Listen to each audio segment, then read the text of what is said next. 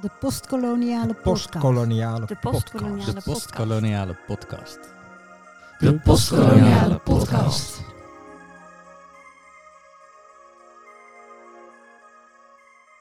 Poëzie is een vorm van literatuur waarin het onzegbare in woorden kan worden gevat. Ook in Nederlands-Indië werden veel gedichten geschreven. In 2014 verscheen er een overzichtswerk, het album van de Indische poëzie. Daarin zijn niet de dichters van nu opgenomen. Inmiddels is er een generatie woord- en beeldkunstenaars ontstaan die op een nieuwe manier omgaan met het koloniale verleden. Zij gebruiken de oude teksten, beelden en geluiden om op zoek te gaan naar hun eigen identiteit in een postkoloniale samenleving. Gustav Peek, Lara Nuberg, Ellen Dekwits en Robin Blok staan verder van de geschiedenis af en gaan bewust op zoek naar hun Indische roots. Vandaag praten wij over de Indische identiteit in postkoloniale poëzie met Ellen Dekwits en Robin Blok. Ellen Dekwits is dichteres, schrijfster, theatermaakster en columniste. Ze schrijft onder meer voor NRC Handelsblad.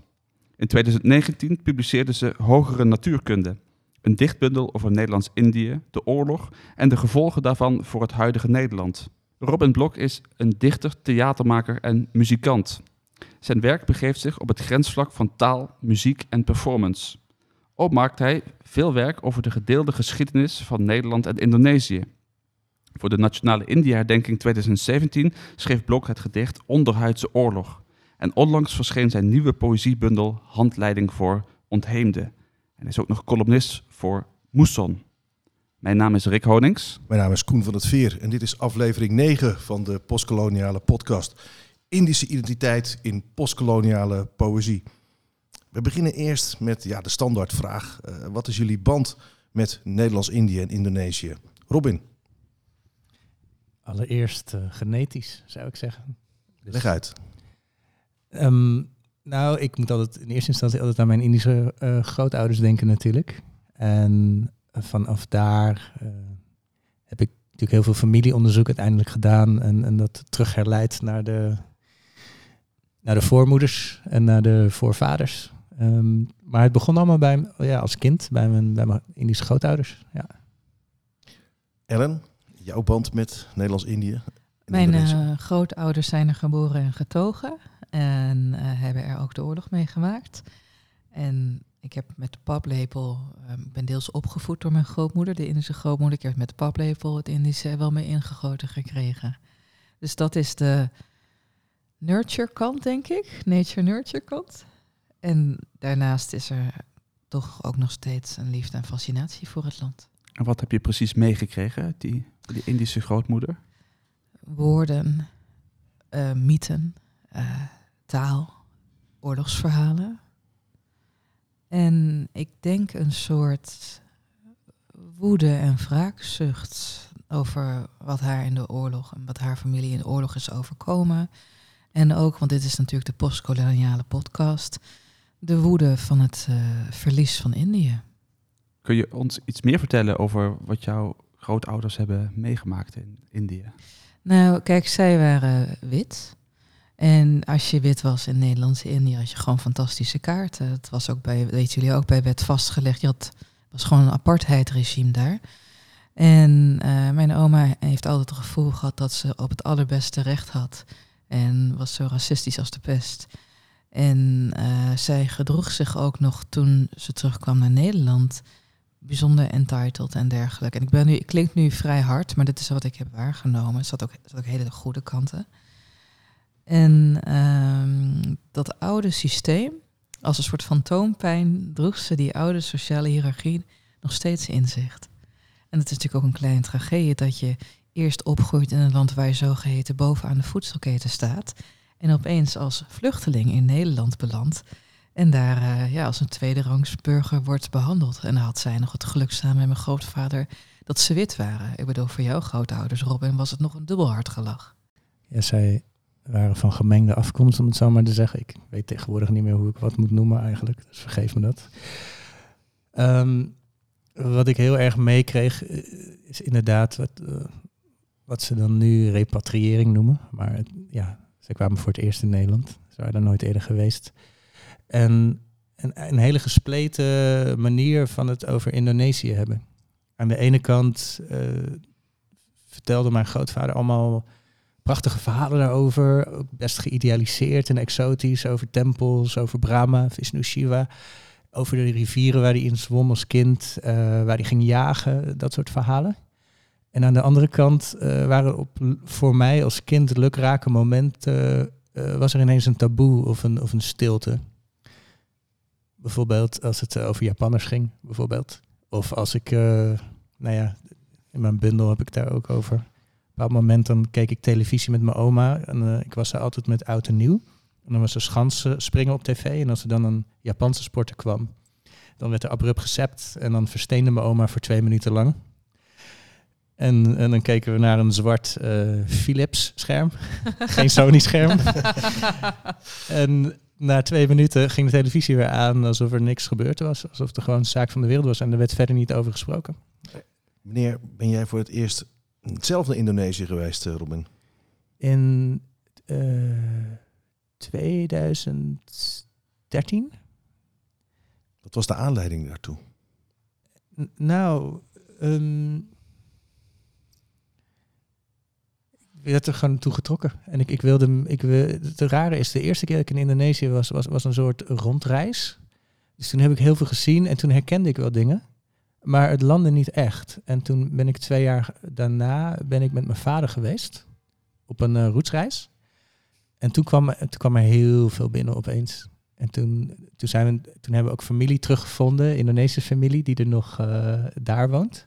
Mijn voorvader, mijn vaders kant, dat was een Duitse tabakshandelaar, die een, ergens rond 1865 in Blitar, uh, Zuidoost-Java, een plantage is begonnen en daar een, uh, een, een, een, Javaanse vrouw uiteindelijk ook trouwde. Um, dus we hebben, we hebben zelfs zijn voormalige landgoed teruggevonden. We hebben familie teruggevonden die nog altijd in Blitar wonen. Um, we hebben het graf van een overgrootvader bezocht. En dat is ook de eerste keer dat ik mijn, zo'n beetje, eigenlijk de tweede keer, dat ik mijn vader heb zien huilen. Want we konden het graf eigenlijk eerst niet vinden. Het was op Kembang Koening in, uh, in Surabaya. En dat heeft een. Uh, je hebt het hele het oude gedeelte, daar ligt een andere overgrootvader. En je hebt het, uh, de erebegraafplaats. En die erebegraafplaats vonden we hem uiteindelijk toch. En, en dat, dat raakte toch iets. Het bracht toch iets in verbinding. En het grappige is dat het ook echt de band tussen mij en mijn vader heel erg heeft geopend. Om, ik was altijd vrij open tegen hem, maar hij was ook best wel gesloten op zijn hoede. En eh, ja, ik wil niet alles naar, naar die hele Indische familiegeschiedenis terugleiden, maar ik denk niet dat hij echt heel goed geleerd heeft om emoties te uiten. Want dat heb ik ook bij mijn grootouders gezien. Maar in één keer ging dat open. Toen begreep ik ook veel meer dingen ook over mijn grootouders. De manier waarop zij dingen deden, de manier waarop zij stiltes lieten vallen, ruimte voor anderen, heel attent waren. En um, ja, dat viel op zijn plek. Ellen, vond jij ook in Indonesië jouw geschiedenis terug? Ja en nee. Um, kijk, in tegenstelling tot Robin heb ik er bij mijn weten geen familieleden zitten. Er zijn nog wel wat familieverhalen over bastaardtakken en zo, waar wij dan van af zouden stammen. Maar het fijne, ik moet nog steeds een keer zo'n ancestry-test eigenlijk doen. Ben ik wel altijd herleidbaar. Weet je wel, dus kan ik geen misdaden meer plegen. Dus dat is dan zonde. Maar um, voor mij was het veel meer emotioneel. Ik ben er in 2018 voor het eerst naartoe gegaan. Na heel veel moeite. Want van huis uit ben ik altijd gewaarschuwd dat Indonesië ongeveer het meest gevaarlijke land ter wereld is. En alle nare dingen die mijn oma heeft verteld, zeker ook over de Persia-periode na de oorlog. Nee, en ik ben met mijn broer erheen gegaan en wij landen op vliegveld. Op, we landen in Jakarta. En we keken elkaar aan, moesten heel erg huilen toen we eenmaal die geuren daarop snoven. En het voelde gewoon ja, als thuiskomen. En ja, wij waren, Robin en ik, uh, in Yogyakarta afgelopen december. November en december. November. Ja. En ik liep daar rond, zei ik tegen jou, ja, alsof ik weer thuis ben.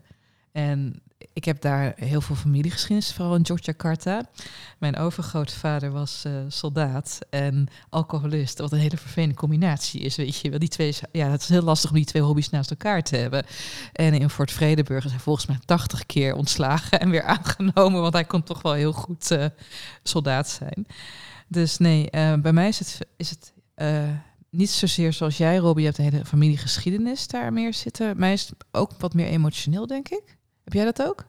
Ja, het is heel emotioneel, heel fysiek bijna. Ja, Wanneer ben jij op het idee gekomen om daar poëzie over te gaan schrijven, Ellen? wel heel vroeg. Heel vroeg al. Ehm, ik denk dat mijn, in mijn eerste dichtbundel, die is uit 2011, zit een gedicht dat op haar beurt, mijn gedichten zijn meisjes, eh, in 2006 het levenslicht zag. En dat ging over die hele geschiedenis, over eh, hoe het is om bepaalde angsten en geschiedenissen doorgegeven te krijgen.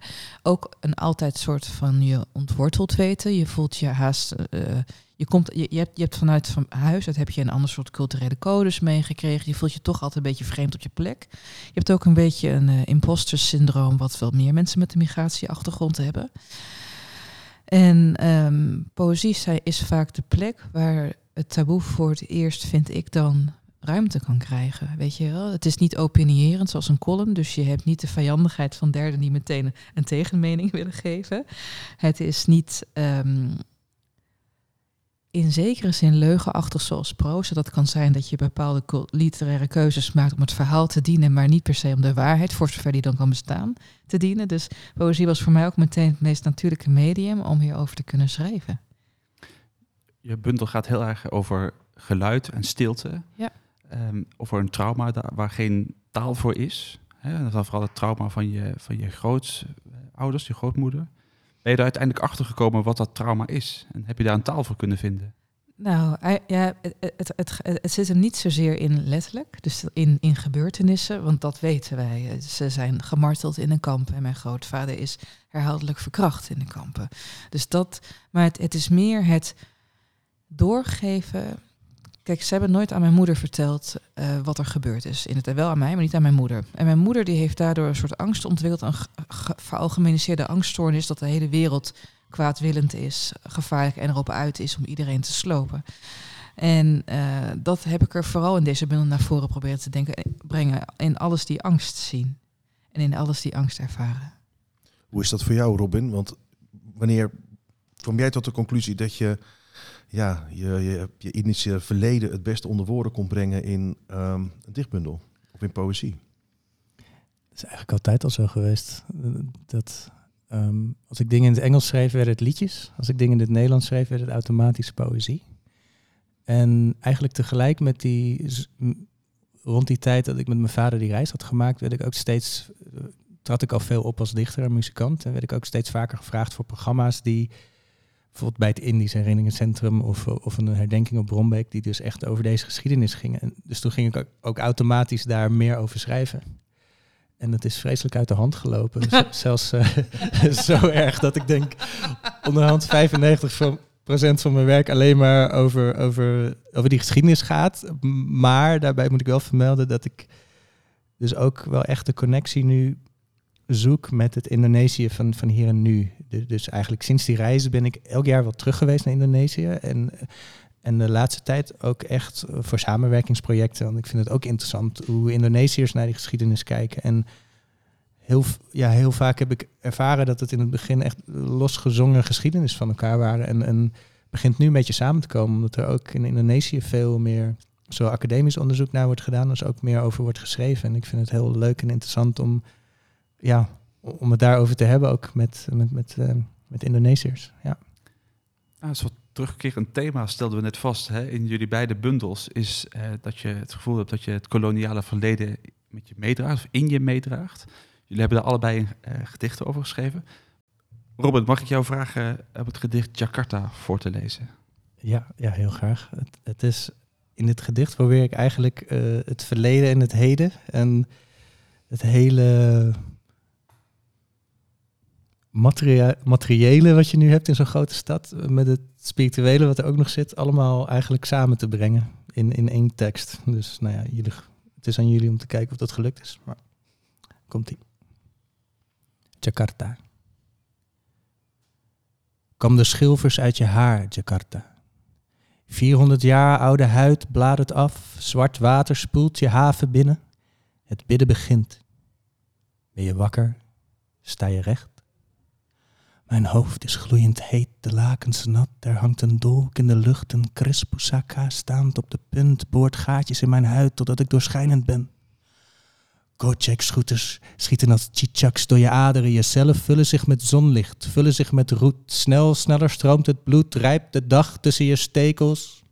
Lamp, scalpel, naald. Jakarta! De artsen kijken je zorgelijk aan van achter hun mondkapjes. Een kakkerlak spartelt op zijn rug, pootjes smekend in het luchtledige. Ik duizel. Lekko, lekko, kokhalsend. Voel hoe de vloer in het plafond in omgekeerde richting draaien. Soldaatjes met hagedissenstaartjes kruipen langs de schilderijen. Ik zie ze loeren vanuit de vreemdste hoeken. Jakarta! Steek je tong uit als een hoopvolle patiënt. Steek je tong uit als een teken van leven. Elke warung is een wachtkamer. Jij en ik, we knikken naar elkaar, maken ons klaar voor de grote operatie. Hati hati, Jakarta. Lololintes matje. Zijn je aderen verstopt? Dit is hartbewaking. Hoor ik machines je gebit vermalen, je voorouders klagen onder meters hoge zerken met logo's van Neon Island over vroeger? Dulu, wadu, kasian. Ik kreun. Hamers dreunen door mijn hoofd. Ik rol me op in een bananenblad en val in slaap. Mijn vel wordt al maar weker. Mieren wemelen tussen mijn tenen. Ze tillen me op en dragen me naar een stomende asfaltkrater. Jakarta! Terug aan je beademing. Kogels ketsen van je voorhoofd. Koester je infuus van Klapa Muda. Van de airco in Toyota's naar de marmeren veranda's. Van de glanzende vloeren van de shoppingmalls. Van de lobby's in hotels naar je broeierige bed. Je nagel trekt een golf in het laken. De dag deint en kolkt nog na als je luistert. Naar het snerpen van krekels en sirenes. De blikkerige rikketik van de laatste kakilima. Het giechelen van de meisjes in een handpalm. De rauwkeelse klaagzang van de oude imam. De toekang parkier vouwt zijn handen samen in zijn bach. Jakarta. Ik probeer je stem te horen. Mijn longen te vullen zonder te kuchen. Al dat stof in mijn mond. Ik hijs mezelf in een tijgervel. Rode vlammen branden in mijn borstkas. En met elke slag van de gong zit het in mijn botten. Met elke slag van de gong sidder ik. Prachtig, het zit dat in je botten. Ellen, mogen we jou ook vragen om een eh, gedicht voor te dragen? Yes. In de beginnen waren er genen die in me galmden. Die ervoor zorgden dat mijn moeder me zonder handleiding in elkaar kon zetten. We hadden geen idee hoe we een navelstreng moesten aansluiten. Het overkwam ons gewoon en het ging ook nog eens goed. In de beginnen waren er stemmen die in me doorzongen. Net zoals vleermuizen de weerkaatsing van hun kreetjes gebruiken om te weten waar de wand is, waren er weerkaatsingen waardoor ik wist wat familie was. In de beginnen waren er echo's die het verleden overleverden. Vertelden over een stuk van Liest dat mijn grootmoeder uit haar hoofd had geleerd toen ze een meisje was in de tropen.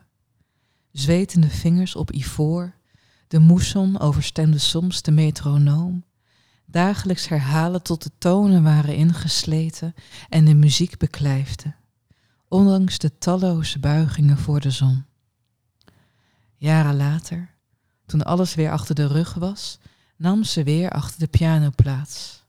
Liest stroomde er foutloos uit, iedere noot, iedere overgang, versnelling, vertraging. Alleen het midden ontbrak. Ach, kleintje, ik had honger. Heb dat stuk waarschijnlijk opgegeten. Waarschijnlijk was de muziek er gewoon uitgeslagen.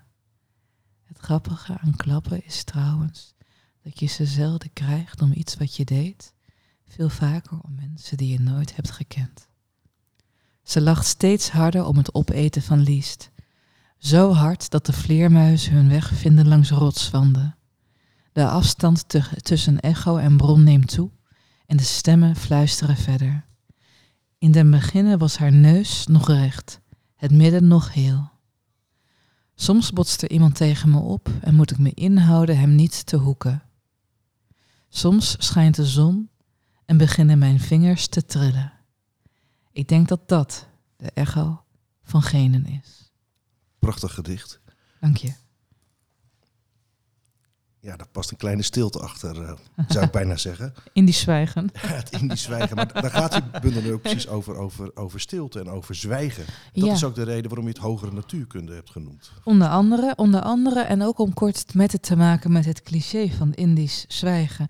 Daar hadden, daar hadden wij het laatst ook nog over. eh, samen met eh Susanne Rastafarts en Jeremy Floor.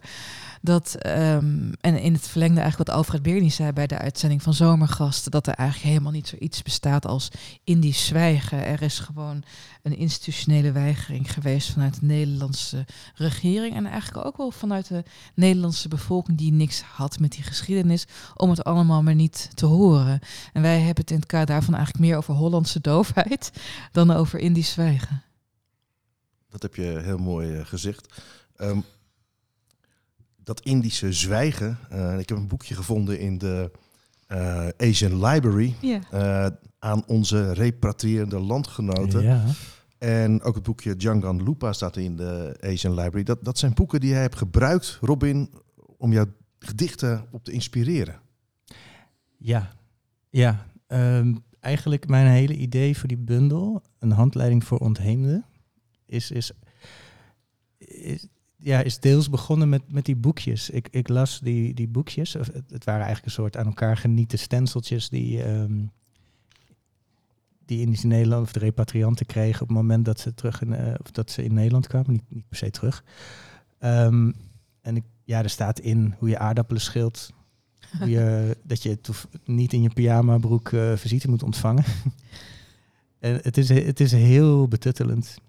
En, en toen begon ik me af te vragen van ja, hoe- als je net eh, die dingen die Ellen ook benoemt, als je, als, je, als je in een kamp hebt gezeten, als je het enige land dat je kent hebt, hebt, achtergelaten, als je zoveel hebt meegemaakt en je komt in een, in een voor jou nieuw land, ja, het is heel leuk dat je, dat je weet eh, hoe je je huis moet schoonhouden, maar hoe maak je van een nieuw land een, een thuis? Dat, daar, daar hou ik me heel veel mee bezig. En ook tussen landen, ook tussen Nederland en Indonesië, ook tussen geschiedenissen in, tussen generaties in ook. Dus dat is eigenlijk, ik probeerde eigenlijk een soort po- poëtisch inburgingsboekje voor de ziel te maken, om het maar heel groot te zeggen. Dus voor juist voor al die mensen die overal tussen vallen. En eh, ja, Allebei zijn jullie een stem, of vertolken jullie een stem in het, in het nieuwe postkoloniale debat. Jullie lezen gedichten voor bij herinneringsbijeenkomsten. Wat doet dat met jullie zelf? Je ontmoet mensen met wie je kan verhouden tot de stof die er nu ligt en de ervaring die het is om lid te zijn van een derde generatie. Een derde generatie die ook een hele andere verhouding weer heeft tot de eerste generatie, tot de ooggetuigen, dan tot de tweede generatie. Dus het verbreedt je denken, het helpt je er beter op te reflecteren en het zorgt er ook voor. Heel veel mensen zijn in hun eentje, ook vooral van de derde generatie, opnieuw telkens aan het uitvinden wat het allemaal betekent, dat verleden. En soms hoor je dan, zeker onder onze generatie, best wel vaak dezelfde verhalen keer op keer terugkomen. Dat mis ik nog een beetje. Ik denk dat mensen wat meer moeten samenwerken en kijken hoe- we nog verder kunnen komen en hoe we dit kunnen verdiepen. Hoe stel je dat voor? Er bestaat nu een aantal tropen, om het zo te zeggen.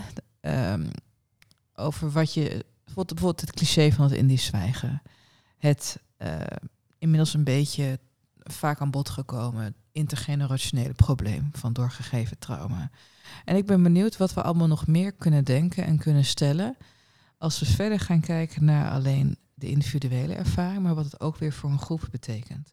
Want ehm, er zijn natuurlijk ook dingen momenteel aan het veranderen. Er zijn op het moment van spreken 2 miljoen mensen met min of meerdere mate Indische roots. Eh, zij trouwen vaak ook met mensen, vaak ook met mensen die geen Indische roots hebben. Dus dat verdunt eigenlijk eh, weer het besef, de kennis die je doorgeeft, de culturele gebruiken die je doorgeeft. En Reggie Bai, die zei het een aantal jaren heel, heel, heel treffend. Die zei ja, de Indo, en of dat nou witte mensen zijn of mensen van kleur, of, eh, is een dodo. Die, is- die staan op het punt van uitster. De Indodo. De Indodo. I like that. I like the Indodo.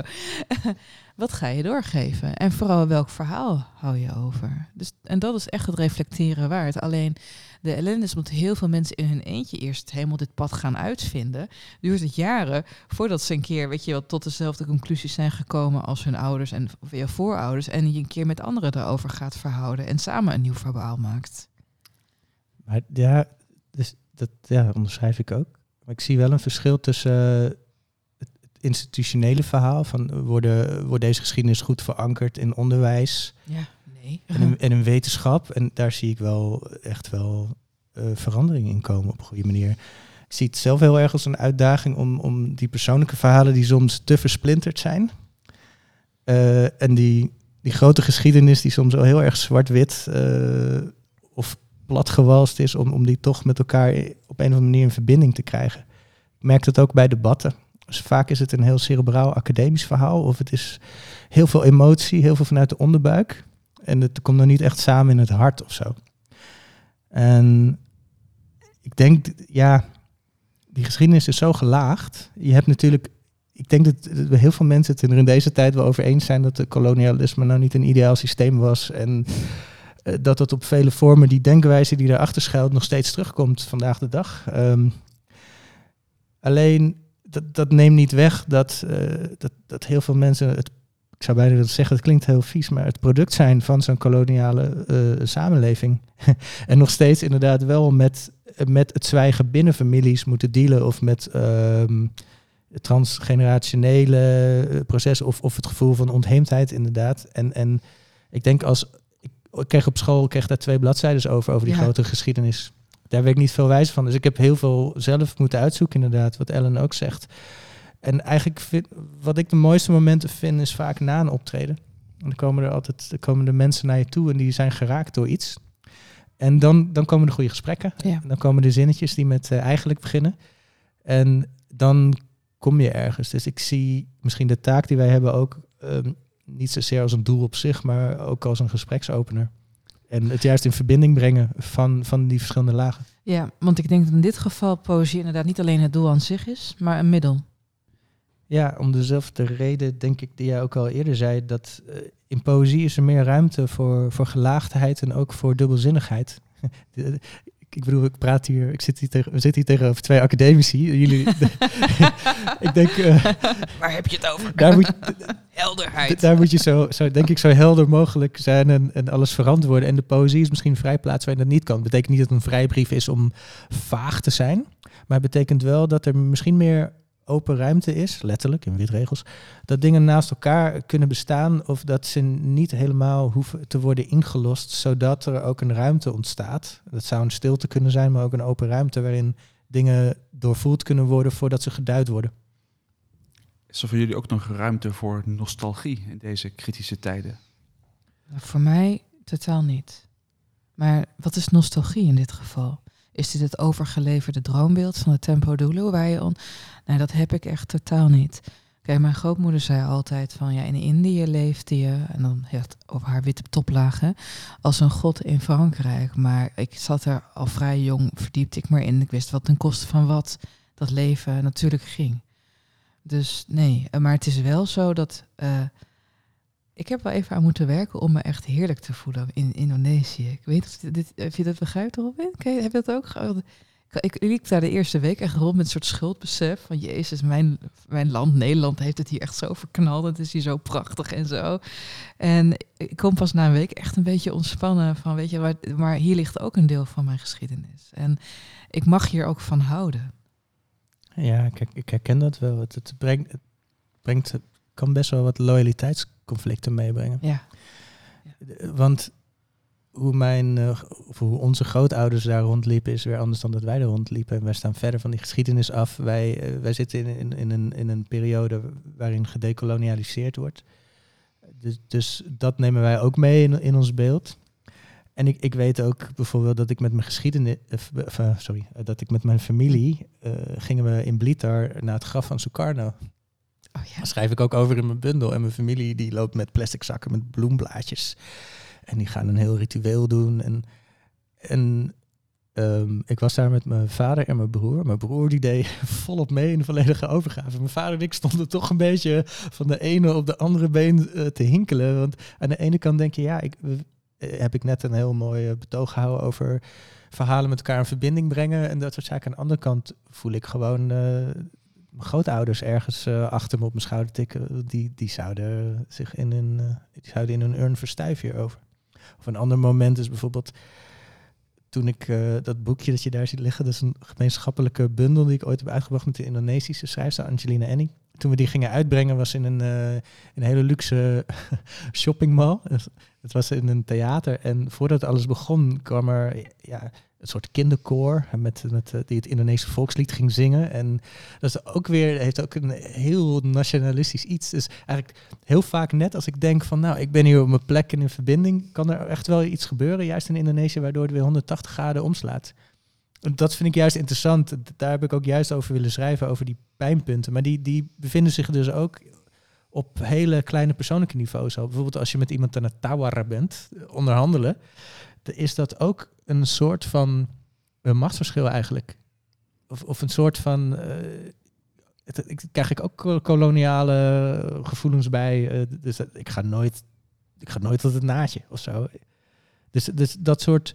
En andersom, andersom is het ook zo. Uh, ik heb ook wel eens meegemaakt dat ik bijna als een soort vorst ergens werd binnengehaald. Uh, en dat ik dan de enige was die een, die een ventilator uh, onder zijn oksel kreeg, zeg maar. Uh, ik weet niet, misschien ook bouwkellen zou kunnen. Maar dus dat je, dat je heel erg ge, ge, hoe zeg je dat? Ge, ik zoek, Gepamperd wordt. Verteerd. Ja, op een soort van bevoorrecht behandeld wordt. Terwijl je er eigenlijk helemaal niet op zit te wachten. Want je wil, dit, je wil, je wil jezelf niet boven iemand plaatsen. Je wil je ook niet onder iemand plaatsen. Je wilt gewoon op eye level uh, uh, communiceren. Waar, dat heb je zelf niet altijd in de hand. Dus daar komen die hele geschiedenis, die komt daar wel bij kijken. En in, op microniveau wordt dat ook weer spiegeld in de interacties die je hebt. Is mijn ervaring. Over die geschiedenis gesproken. Ja, wij zijn hier ook bezig met de geschiedenis van de koloniale literatuur. En ja. van de postkoloniale draai of benadering die daar soms op uh, wordt toegepast. Wat kunnen we nou nog, Ellen, met die koloniale boeken? Ja, van een deel kan je extreem genieten. Ik noem als voorbeeld de 10.000 dingen van Maria Dermout. Fantastisch boek. Niet alleen omdat het je heel erg laat zien hoe krankjoren die samenleving qua verhoudingen was en dergelijke. En ook dat het een soort het wilde oosten was. Um, het kan je een tijdsbeeld scheppen en het kan je ook verdomd hard doen schrikken hoe mensen met elkaar omgingen. Ook als je kijkt hoe er bijvoorbeeld in de stille kracht van Couperus al wordt gesproken over de kleurverschillen tussen zonen en dochters van mensen van een gemengde afkomst. Ja, dat is uh, afschuwelijk, maar je begrijpt wel meteen hoe dat systeem in elkaar stak. Dus er zit een educatief doel, maar laten we wel wezen, het is ook wel genieten je gaat opeens helemaal terug naar een leefwereld die je aan de ene kant niet kan, meer kan voorstellen. Aan de andere kant, als ik soms lees hoe Couperus schreef over Indië en ik kijk daarna de White Lotus. Ik weet niet of jullie die serie kijken, maar dat gaat gewoon echt over ja, een paradijselijk uh, toeristisch geschapen sfeer. Ja, ik denk nou, dat verandert eigenlijk helemaal uh, niks. Hoe is dat voor jou, Robin? Jij haalde ook Multatuli aan aan het begin van je, van je bundel. Dus je verhoudt je het nadrukkelijk tot uh, Indische, Indische roman. Zo kan, je hebt ook een prachtig boek, De Postkoloniale Spiegel. Geschreven door... Uh, ja, goed, ja, goed boekje. Ja. Ja, nou, ik vind het heel interessant om die ontwikkeling te zien. En ik denk dat dat altijd zo zal blijven. Dus de, de, uh, ik vind het heel waardevol. Ik, ik, ik voel het ook als een verantwoordelijkheid om, om wel te weten wat er voor mij is uh, geschreven, voor ons is geschreven, voor onze generatie. En dat ook weer mee te nemen. En ook dat het je kan behoeden voor bepaalde dingen voor, voor exotisering bijvoorbeeld. Uh, of dat, of dat, je, dat hele tempo dulu uh, gedweep wat je soms ook leest. En uh, dus je, ja, voor mij is het educatie op een bepaalde manier. En het is ook genieten inderdaad. Ja, ik ben... Voor mij is qua Indische letteren eigenlijk alles begonnen met uh, Charlie Robinson. Ik ben ook heel trots en blij dat ik columns mag schrijven voor de Moeson. En ergens in de voetsporen van ik vind uh, Charlie Robinson is echt een uh, voorbeeld voor mij.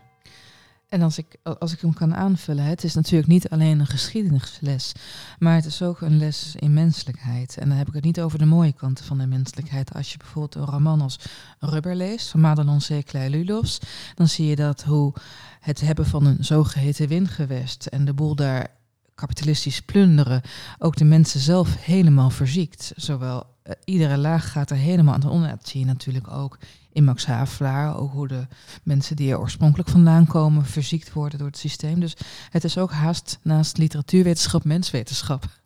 Ja, ja om, om inderdaad. Bij, om bij jouw eerdere vraag ook aan te sluiten nog, uh, Rick. Die die mindset die achter het kolonialisme schuilt, die ontmenselijking en die, Ja. die verschillen, die, die zijn van alle tijden.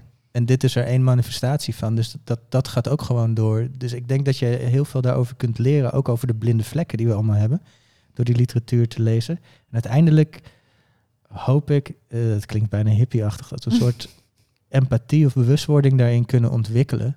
Eh, ook om, om, die, om dat debat niet alleen maar zo ehm, gepolariseerd te voeren. Want vaak is er niet echt een dialoog eh, in, in mijn beleving. En dat, dat mis ik heel erg. Want dan gaat het veel meer om elkaar differentiëren van... nou, wij staan hiervoor, jij staat daarvoor. En als je niet hiervoor staat, dan sta je automatisch daarvoor. Ik zeg het even kort door de bocht, maar het komt er eigenlijk wel vaak op neer. En ehm, ja, ik, ik vind het... Ik denk dat je als je zo'n ontwikkeling kunt zien door die letteren heen... dan kun je ook zien hoe het beeld daarop verandert. En je kunt zien dat bepaalde ingrediënten er al heel... wat Ellen ook al zegt, al heel vroeg in zitten. En dit kan jou ook behoeden voor, voor zaken. En ik, ik ben heel erg voor om voor, voor meer stemmigheid en gelaagdheid. eh, en uiteindelijk menselijkheid daarachter te vinden. Je had het over verbinding, je had het over menselijkheid. En een figuur die daar bij uitstek voor streed was Charlie Robinson. Daar had je ook een fragment van, geloof ik. Ja, ja, ja. Robin, jouw fragment is van Charlie Robinson. Het komt uit Piekerans van een straatslijper. En voor de luisteraars die dat niet weten, een straatslijper is iemand die zoveel heen en weer loopt over straat, dat hij als wij, eh, bij wijze van spreken de, straat glad maakt met zijn, eh, met zijn voetzolen. Dat is een prachtig woord. Nou, even kijken. Oordeel niet verkeerd over straatslijpers. Zij zijn niet allemaal beroerd. Scharrelen op straat is inderdaad niet netjes. Dat weten we al van toen we nog zo klein waren. Maar wat wil je? Onnette mensen zijn er altijd geweest zoals Ma zei toen de gasten weg waren. En soms blijken er nog rare seigneurs bij te zijn ook. Nobelprijswinnaars en zo.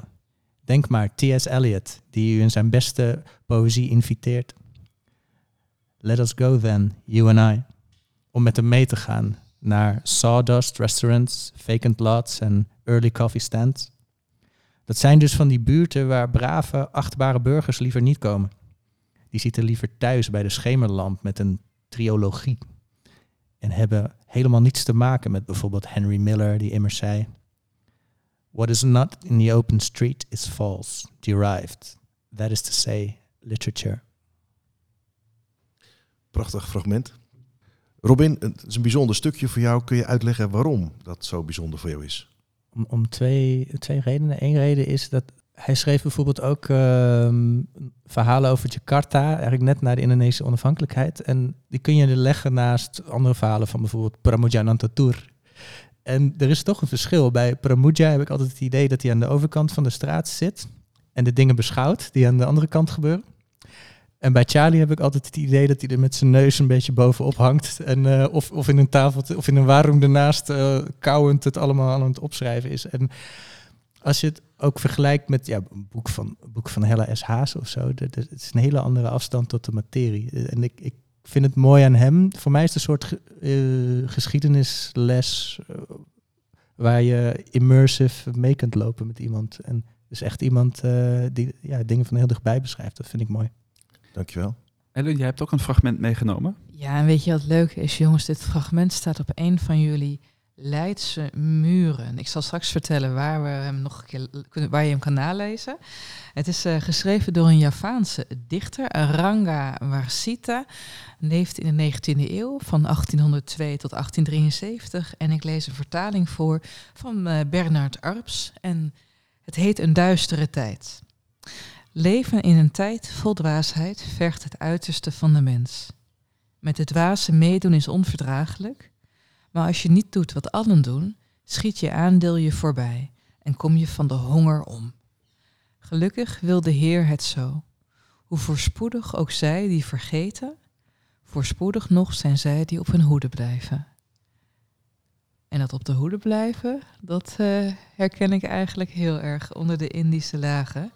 En je kan dit nog live zien, lieve luisteraar, als je lekker door Leiden wandelt. En je kan het nalezen op de Kraaierstraat 34, want daar staat op de muur. Dankjewel. Dit was het einde van aflevering 9 van de Postkoloniale podcast. We spraken vandaag met Ellen Dekwits en Robin Blok over de Indische identiteit in postkoloniale poëzie.